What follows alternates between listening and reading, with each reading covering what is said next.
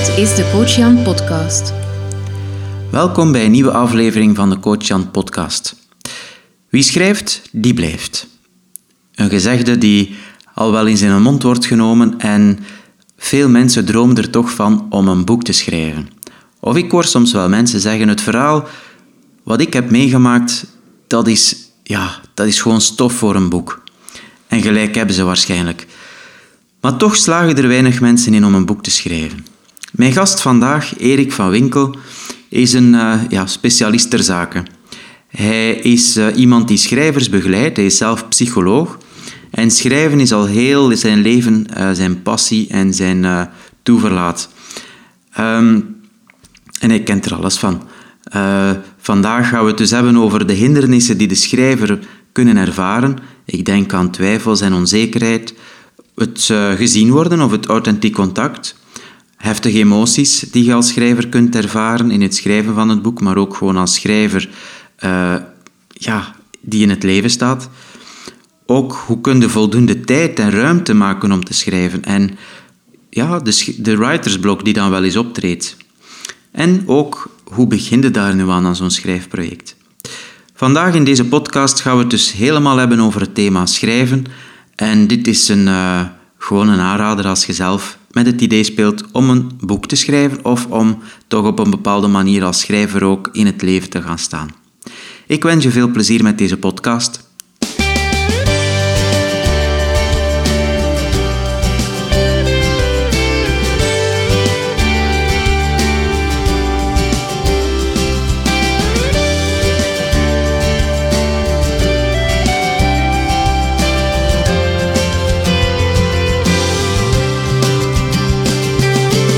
Welkom bij de Coach Jan Podcast, jouw online gids naar een sprankelend en betekenisvol leven.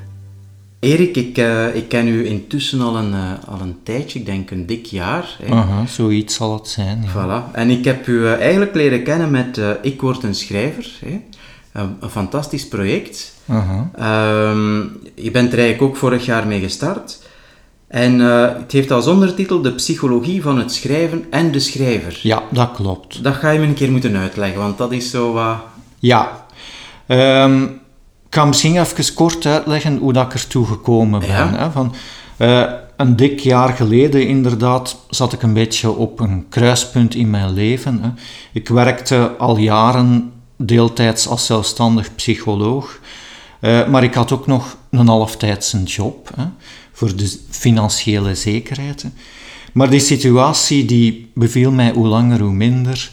En uh, op een gegeven moment heb ik dan toch de beslissing genomen om ervoor te gaan, hè, om volledig zelfstandig te worden en te doen wat ik wou doen. Hè. Uh, maar op dat moment was het voor mij nodig om toch nog een extra activiteit te zoeken, hè, voor extra inkomen. Uh, ik had zeker een interesse in psychologie, hè, dat was al duidelijk. Maar ik heb eigenlijk ook al van kinds af aan een grote passie voor literatuur. Mm dus ik uh, heb altijd graag gelezen, romans, maar ook non-fictiewerken. Hè. Ik schrijf ook zelf, hè, met perioden, soms is dat een keer enkele maanden of enkele jaren en dan valt dat weer even stil.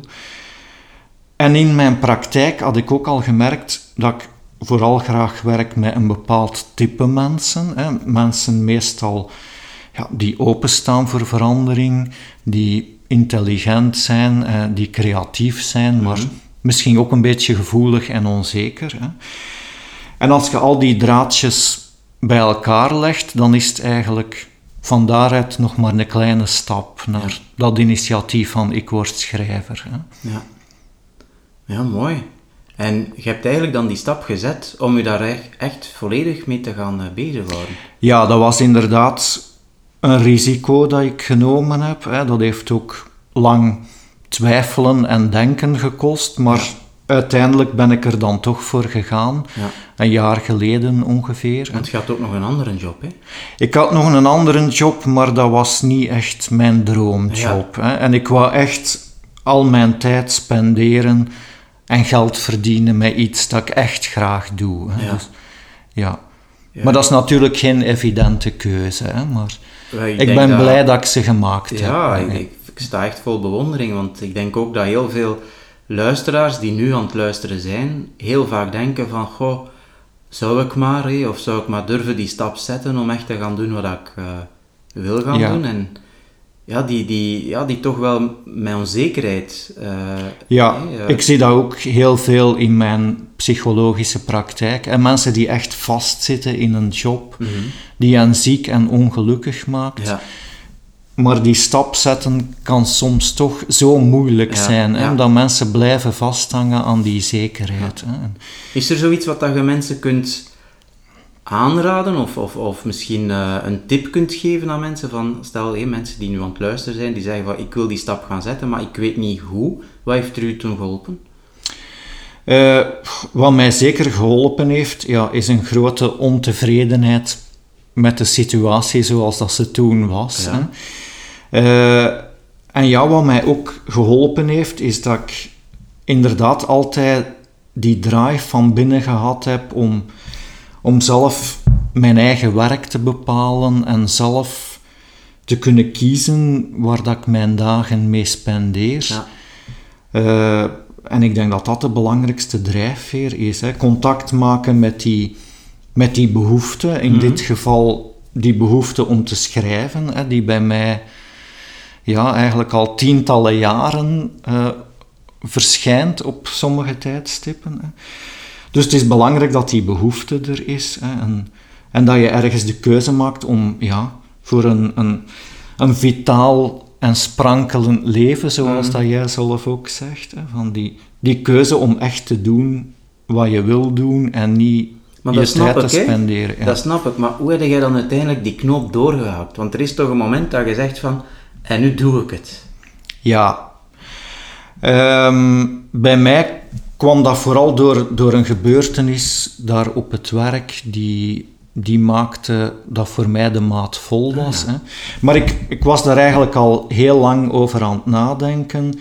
Uh, maar inderdaad, ja, die zekerheid... Uh, die speelt altijd op. Hè. Ik heb ook een partner die heel erg aan die zekerheid gehecht is. waarschijnlijk ook een rekening hè, die En een rekening die moet betaald worden. Dus op het moment dat je zelf die beslissing genomen hebt, moet je dikwijls ook nog een partner of huisgenoten overhalen om achter jouw keuze te staan. Ja, dat is ook iets belangrijks dat ook aan bod kan komen in mijn begeleiding. Hè. Van, hoe doe je dat? Hoe, hoe maak je daar ruimte en tijd voor? En ja, hoe zorg je dat anderen jou ook die ruimte en tijd geven? Hè? Want dat is heel belangrijk. Ja, absoluut. Ja.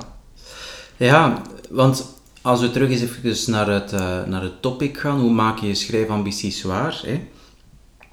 Je hoort inderdaad dat heel veel mensen, of ik hoor heel vaak mensen zeggen van ja, ik zou hier een boek kunnen overschrijven, of je hoort mensen zeggen van ja, ik zou eigenlijk heel graag een boek schrijven over. Of mhm. ik heb ook al mensen gehoord die zeiden ja, ik ben een boek aan het schrijven.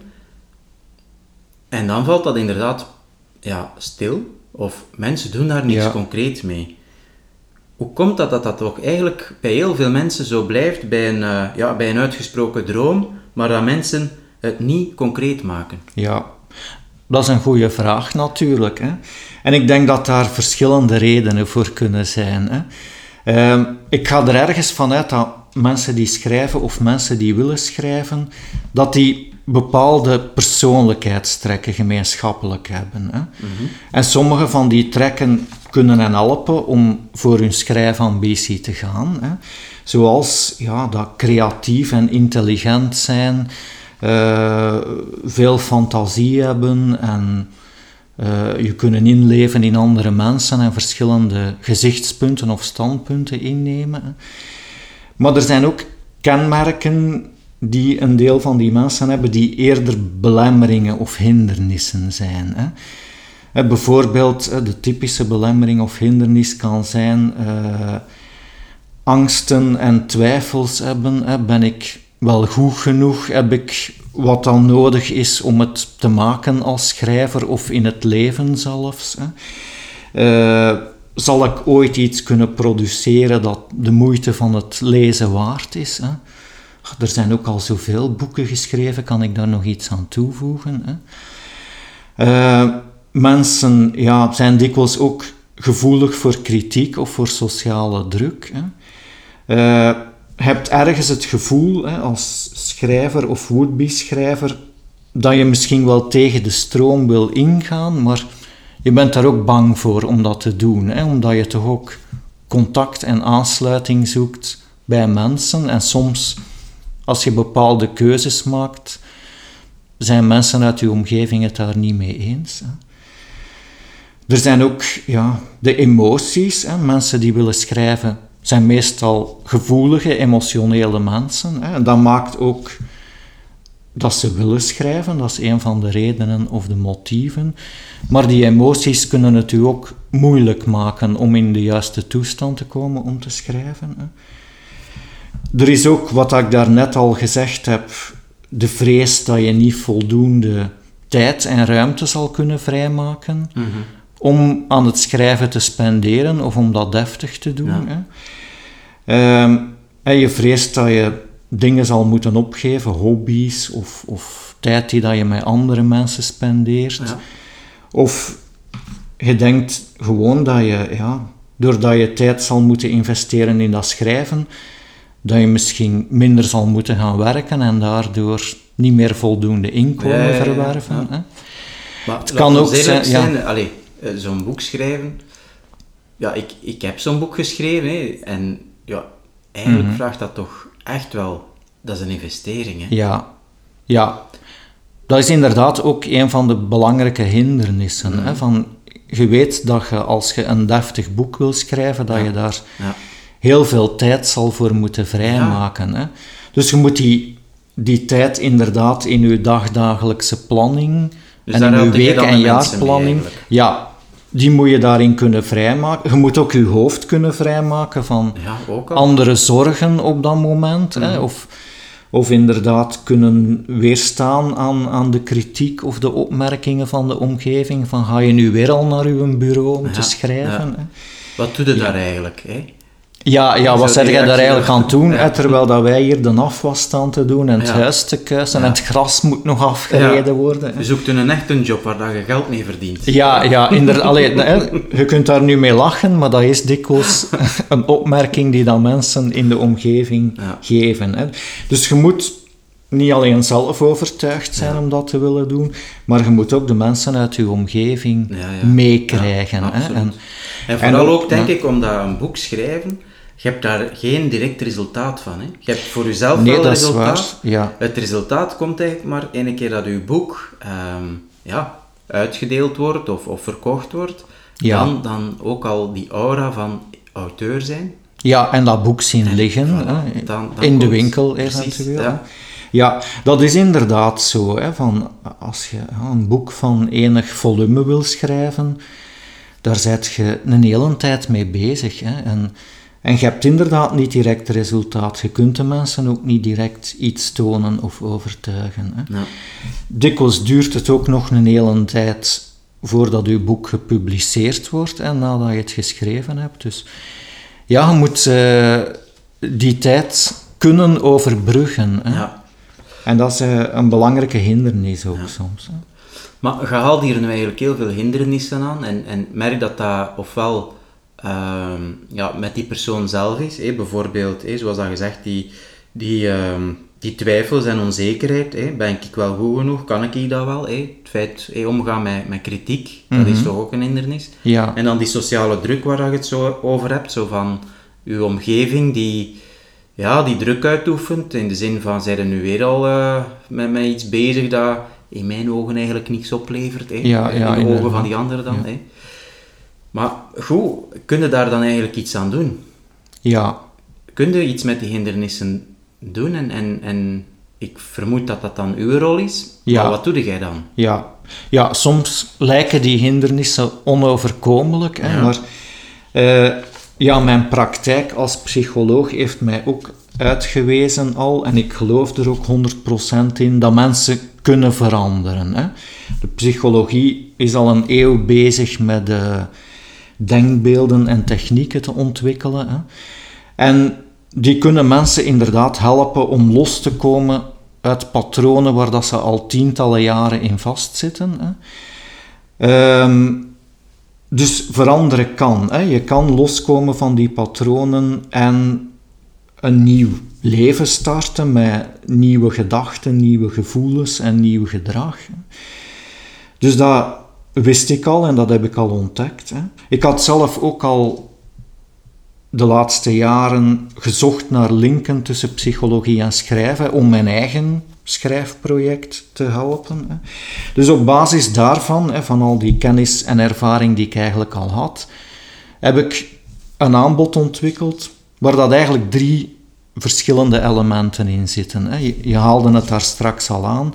Het eerste element gaat over de psychologie van de schrijver. De, de kenmerken van de schrijver die maken dat hij niet kan of niet durft doen wat dat hij eigenlijk liefst van al zou doen. De, de angsten, de twijfels, de overtuigingen in zijn hoofd. Dus met die belemmeringen omgaan en die ombuigen tot iets positiefs. Hè. Tweede aspect is de psychologie van het schrijven. Hè. Van hoe werkt ons brein en onze geest en hoe kan kennis daarvan ons helpen om de ideeën die we in ons hoofd hebben, bij wijze van spreken, om te zetten in woorden en in een klare en heldere tekst. Hè. Dus de psychologie kan daarbij helpen. Hè. En het derde aspect gaat dan over welke plaats geef je het schrijven in je leven. Hè. Uh, is het een passionele hobby die dat je doet naast een job die, ja, die zekerheid biedt en die financiën oplevert? Hè. Of kies je ervoor om dat toch een, een prominentere plaats te geven? Uh, en zou je graag hebben dat dat schrijven iets is waar dat je ook inkomsten mee kan verwerven of, of zelfs helemaal van leven? Hè? Dus dat zijn vragen die je u ook moet stellen en waar dat je een antwoord op moet vinden. En in elk van die situaties moeten we dan ook uitzoeken hoe ga je dat dan aanpakken. Hè? Ja, amai. Moest dat bestaan hebben in een tijd dat ik mijn boek uh, zou, uh, allez, had geschreven, dan... Uh dan wist ik wel wat, wat ik zou doen. Ja, maar, het is nog niet te laat. Hè, nee, misschien. maar, ja, ik heb de ervaring nu natuurlijk. Ja, ja, ja, dat is ook al belangrijk. Je weet al dat het kan hè, en je hebt het, al, het proces al doorlopen. Ja, hè. Ja, Maar dat is toch gek? Ik heb ooit um, Paulo Coelho um, iets heel prachtig horen zeggen. Dat was in de podcast van uh, Timothy Ferris. En hij, hij zei eigenlijk Allee, voor de mensen die Paulo Coelho niet zouden kennen, dat is eigenlijk een, een bestseller-auteur. Die heeft al tientallen boeken geschreven, over heel de wereld vertaald. Eh, ongelooflijk. En ehm, hij zei dat de grootste valkuil, of de grootste ja, um, probleem eigenlijk van, van een, een auteur die een boek heeft uitgegeven, is dat hij nooit content is met hetgeen dat hij heeft mhm. uitgebracht dat hij zoiets heeft van, in mijn volgende boek zal ik het beter doen. Ja. En dat was zo herkenbaar, want ik heb dan wel een boek uitgegeven, maar ik ben daar eigenlijk helemaal niet zo content van. Gevoelsmatig. Terwijl dat mensen die het gelezen hebben, mij, mij zeggen van, allee Jan, dat is ik weet niet goed, ik kan er iets mee. En ja. dat, is, dat, is, echt... Ja, dat is inderdaad ook iets dat sluit misschien aan bij die, bij die twijfels en bij dat kenmerk van uw mhm. persoonlijkheid ook, dat je perfectionistisch bent misschien en, en nooit tevreden. Hè? Ja, dat herken ik inderdaad wel. Maar dus, om het even samen te vatten, je hebt eigenlijk een aanbod gecreëerd voor mensen die, die daarmee worstelen. Ja, inderdaad. Hoe ziet dat er dan eigenlijk juist uit? Wat heb jij dan concreet te bieden? Ja, mijn aanbod dat ik ontwikkeld heb bestaat uit vijf stappen eigenlijk. Hè. De eerste stap is het traject in kaart brengen dat je te doorlopen hebt van iemand die verlangt om boeken te schrijven of die die behoefte heeft, naar iemand die werkelijk schrijft. Hè. Mhm. Daarin leer je onder andere uh, heldere en motiverende doelen te stellen. Hè. Je kijkt ook naar de, de hindernissen die kunnen op je pad optreden en naar de hulpbronnen die dat je hebt. Hè. Maar dat is dan heel persoonlijk veronderstellen? Dat is heel persoonlijk, hè, maar ik denk dat dat wel een belangrijk onderdeel is om mee te starten. Hè, om echt heel duidelijk uit te zuiveren wat wil je nu bereiken en wat staat er in de weg? Wat zijn jouw persoonlijke hindernissen? Hè? En dat link je dan aan je missie, je identiteit en je kernwaarden. Hè. Op die manier kan er een echt belangrijk doel en grote motivatie ontstaan. Hè. De tweede stap die gaat dan over de psychologie van de schrijver, hè, waarover mhm. dat ik het daar net al gehad heb. Hè. De, de kenmerken uh, die je hebt, die diep in je persoonlijkheid verborgen zitten en die maken dat je er eigenlijk niet toe komt. Hè. Dus, ah, dus je leert contact maken met die hindernissen, hè. je leert ze identificeren en je leert ook manieren om ermee om te gaan. Hè. Maar anderzijds, ons brein of onze geest heeft ook soms enorm veel mogelijkheden waar dat we ons soms ons leven lang niet van bewust worden. Hè. En daar besteden we ook aandacht aan. Hè, van welke hogere waarden of vermogens hebt je die daar in u sluimeren en die u kunnen helpen om een schrijver of een betere schrijver te worden. Hè. Dus dat is het, de tweede stap. Hè. De derde stap gaat dan over de psychologie van het schrijven. Hè. Uh, en hoe die u kan helpen bij een concreet schrijfproject. Hè. Dus uh, hoe dat je in een gewenste toestand kan komen en een toestand van motivatie, van enthousiasme en creativiteit. En de verschillende stappen die dat je eigenlijk moet of kan doorlopen, hè, van de belangrijke stap van de voorbereiding tot op het moment dat je boek helemaal afgewerkt is en klaar voor publicatie, om het zo te zeggen. Hè. De vierde stap die gaat eigenlijk over de leefwijze van de schrijver. Hè. Hoe dat je tijd, ruimte en middelen kan vrijmaken om je op een deftige manier met dat schrijven bezig te houden. Hè. Hoe dat je kan omgaan met de, met de twijfels en de angsten die op dat moment ook weer opkomen. Eh, en inderdaad met kritiek of opmerkingen uit de omgeving. Hè. Dus hoe dat je ruimte kan maken om te schrijven zonder in conflict te komen met jezelf, met je omgeving of met de nood onvoldoende brood op de plank te brengen. Hè. En dan een laatste optionele stap gaat erover, het boek is afgerond hè, en wat nu? Hè? Wat ga je ermee doen? Ga je het in de wereld zetten en ga je zelf buiten komen als schrijver? En ja, welke problemen kan je daar eventueel tegenkomen en hoe moet je daarmee omgaan? Hè? Ja. Ja, wat En, maar dat lijkt uh, een heel fantastisch uh, aanbod, maar moeten mensen dan alle stappen volgen? Of, of kun je daar zeggen van, oh, ik heb eigenlijk vooral moeite met, met tijd te vinden, of ik heb het vooral moeilijk met mijn uh, onzekerheid? En, en... Ja, dat kan inderdaad. Hè, van ik, ik richt mij tot verschillende types mensen, of mensen die in verschillende fasen van het schrijfproject zitten, bij wijze van spreken. Hè.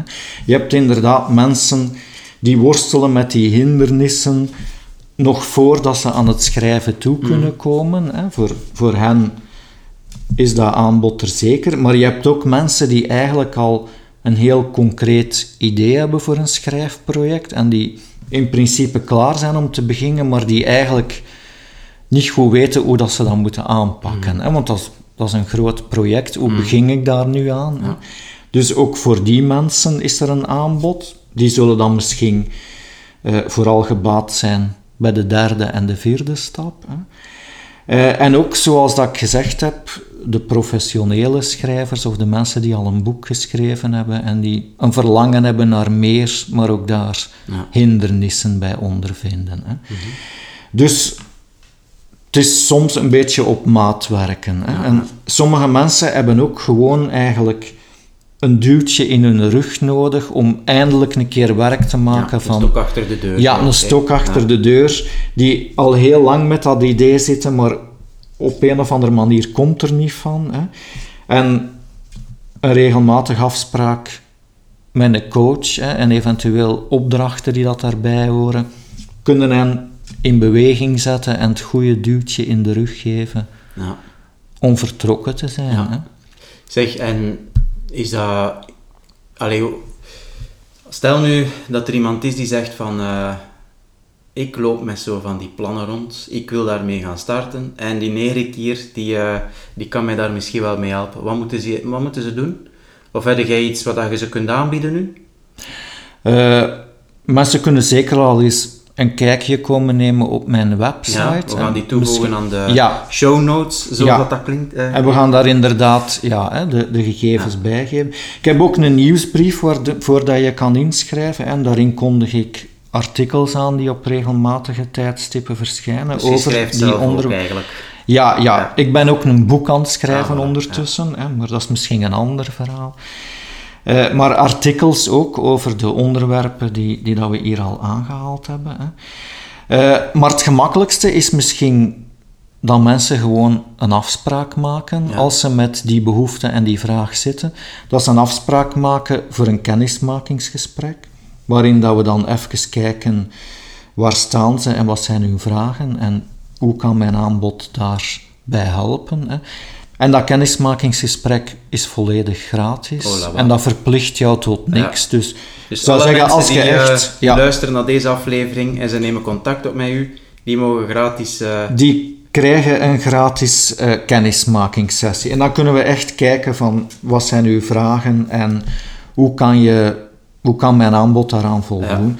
dat gesprek verplicht u echt nog tot niks. Hè. Dus ik zou zeggen, als je met die behoeften en die vragen zit zeker contact opnemen. Je kunt er niks mee verliezen.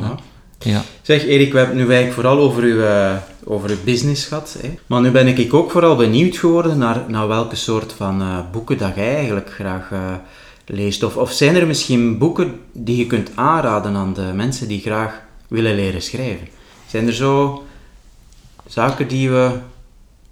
Er zijn zeker boeken die interessant zijn. Hè? Ehm, er zijn er verschillende. Ik ben nu aan het denken, er is net een, een goed boek uitgekomen van Steven Pinker. Mhm. Dat is eigenlijk een, een cognitief psycholoog en psycholinguist, hè, om het met die woorden te zeggen. Uh, en die heeft een heel goed boekje geschreven. In het Engels noemt het A Sense of Style. Maar het is ook in het Nederlands verschenen. Uh, Zin voor stijl of zoiets. Ik weet mhm. de, de, juiste titel niet. Uh, maar daarin heeft hij dus op basis van, van zijn kennis van de psychologie en op basis van goede en slechte voorbeelden geeft hij aan wat dat goede manieren zijn om te schrijven. Hè? Hoe, dat je, hoe dat je ideeën klaar en helder en duidelijk omzet in duidelijke taal voor de lezer. En dat is, dat is zowel een, een entertainend boek als een, een heel praktisch boek met heel veel tips. Hè? Ja. Uh, ik heb ook nog een, een goed boek, maar dat is in het Engels. Hè. Dat hangt er vanaf in welke mate dat een hindernis is. En dat boek noemt The Power Process. Ja. Uh, en dat is eigenlijk uh, NLP, neurolinguistisch programmeren, toegepast op het proces van het schrijven. Ja. En daarin worden stap voor stap ja, de stappen besproken die dat je moet zetten om te schrijven. Uh, en oefeningen erbij om te doen. Dat is ook een heel praktisch boek. Maar ja, wat heb jij er 10 of 15 jaar. Wat is bijvoorbeeld iets wat dat jij zelf toepast? Uh, wat ik zelf toepas is uh, gebruik maken van mijn interne gedachtenprocessen. Hè. Dat is iets wat dat NLP bijvoorbeeld ons kan leren.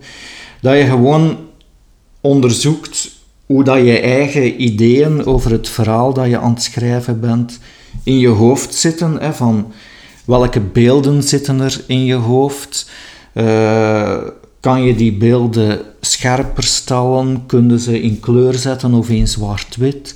Je kunt eigenlijk met je eigen, met je eigen denkprocessen aan de slag. Hè. Je moet je daar bewust van worden en je kunt daar eigenlijk heel toffe dingen mee doen die dat u in de juiste en scherpe toestand kunnen brengen om te schrijven. Hè. Je kunt ook hè, bijvoorbeeld ja, een toestand van creativiteit proberen oproepen op basis van vroegere ervaringen. Ehm, dus er zijn een heel deel praktische oefeningen die dat de psychologie ons geboden heeft, die, die heel interessant kunnen zijn, ook in dit terrein en dit onderwerp. Je kan eigenlijk de regisseur zijn van je eigen interne film, om het zo te zeggen. En dan alle knopjes draaien en, en schuiven. Eh, om het optimale resultaat te Ja. krijgen. Hè. Zeg, Erik, stel nu dat op een gegeven moment, je bent thuis hè, en de, de, de deurbel gaat.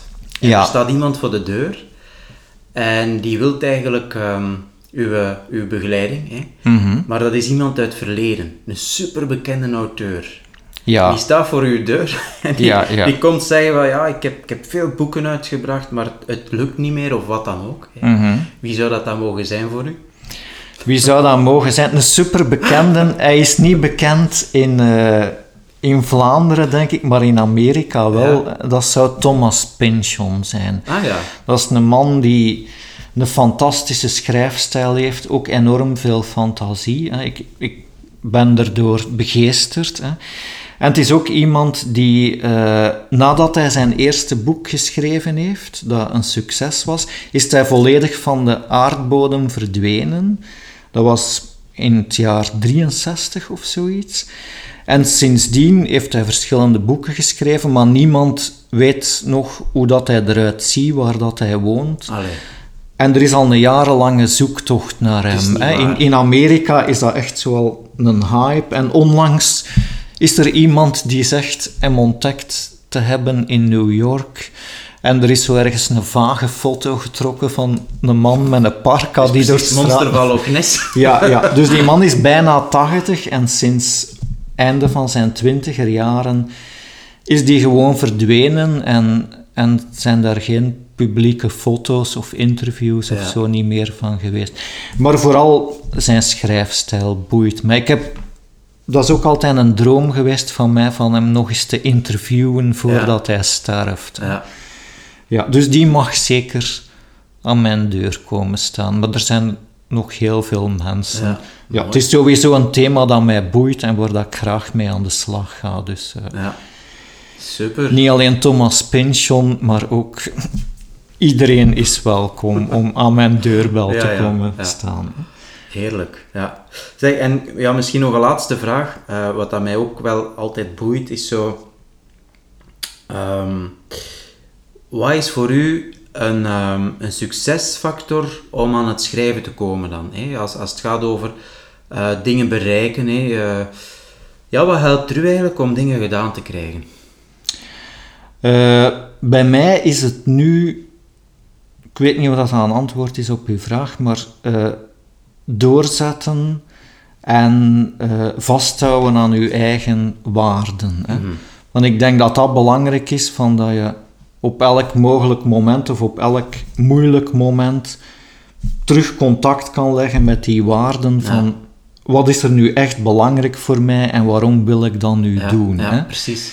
Eh, en op die manier, hè, af en toe moet je terug even herbronnen. Ja, Eh, en dat doorzetten, dat denk ik dat bij schrijven heel belangrijk is. En wat dat ik nog belangrijk vind, en misschien gaan sommige mensen dat niet zo graag horen, maar dat is planning en discipline in het schrijven. Hè. ja, Eh, dus ik denk dat dat belangrijk is, van dat je een duidelijke planning opmaakt waarin dat je echt dat schrijven een plaats geeft. ja. Dat je eventueel die planning met je partner of met je kinderen bespreekt en zegt van kijk, dat zijn de momenten waarop dat ik met schrijven bezig ben. En het gras afrijden en spelen, dat komt op een ander moment in de week ja. te pas. hè. Dat, dat zijn voor mij de belangrijkste succesfactoren. Mooi. Ja. En het deed mij ook een beetje denken aan zo Every master was once a disaster. Zo, wat dat je zegt van geloven, je wilskracht doorzetten. Eigenlijk, elke schrijver, denk ik, is vertrokken vanuit het feit dat hij geen succes had. Ja, en het is ook zo, veel eerste boeken zijn ten eerste nooit verschenen. Hè? Ah ja, Je leest heel veel van mensen die, die jarenlang geworsteld hebben met hun eerste boek. Hè? En dat boek is dan eigenlijk niet verschenen om, omdat ze er niet tevreden over waren, of, oh, ja, of, of omdat het te dik geworden is of te chaotisch. Hè? Je hebt altijd de neiging om er veel te veel in te steken. Dus die, die disaster, dat is misschien een fase waar dat je door moet. Ja. Hè? En, en soms het eerste gepubliceerde boek is niet altijd Ja. het eerste boek. voilà. Lang Dus je leven moet ook- disasters. Ja, je moet ook blijven doorzetten en erin geloven, ook als dat eerste boek Mhm. niet echt goed was of dat je er niet tevreden over bent. hè. Het is gelijk met elke vaardigheid, het vergt ook oefenen. Hè. Het is oefenen, Een prachtig schilderij maken doe je ook niet zonder ooit geoefend te hebben en ineens een penseel vast te nemen. Hè. ja. Ja. Mooi, goed. Eh, ja, ik denk dat we eigenlijk aan het einde gekomen zijn. Merci voor, eh, voor al uw eh, tips en voor uw ja, heldere uitleg. ja, hij zei bedankt voor het interview. Ja, dat is graag gedaan. Ik denk dat het zeker een meerwaarde is voor, eh, voor alle luisteraars. Dus ehm, eigenlijk alle, alle gegevens die hier ook aan bod zijn gekomen, de boekentips en ehm, ook eh, de contactgegevens, eh, die zetten we nog eens mooi allemaal op de website. Dus die kunnen de mensen daar vinden. En eh, ja, ik wens, ik wens u in elk geval heel veel succes met verdere ontwikkeling van uw bedrijfje. Ik word schrijver. Ja, dank u wel. Ik geloof erin dat dat verder zal blijven ontwikkelen. Ja, ja, absoluut. Want er is een grote behoefte, merk ik Ja, toch al. ja, Ja. dat is mooi. Voilà, en aan de luisteraars eh, wens ik jullie ook verder een prachtige dag nog. Eh, bedankt voor het luisteren. En we zien elkaar volgende week eh, terug, of we horen elkaar volgende week althans, voor de laatste aflevering van seizoen 2. Tot dan, dag!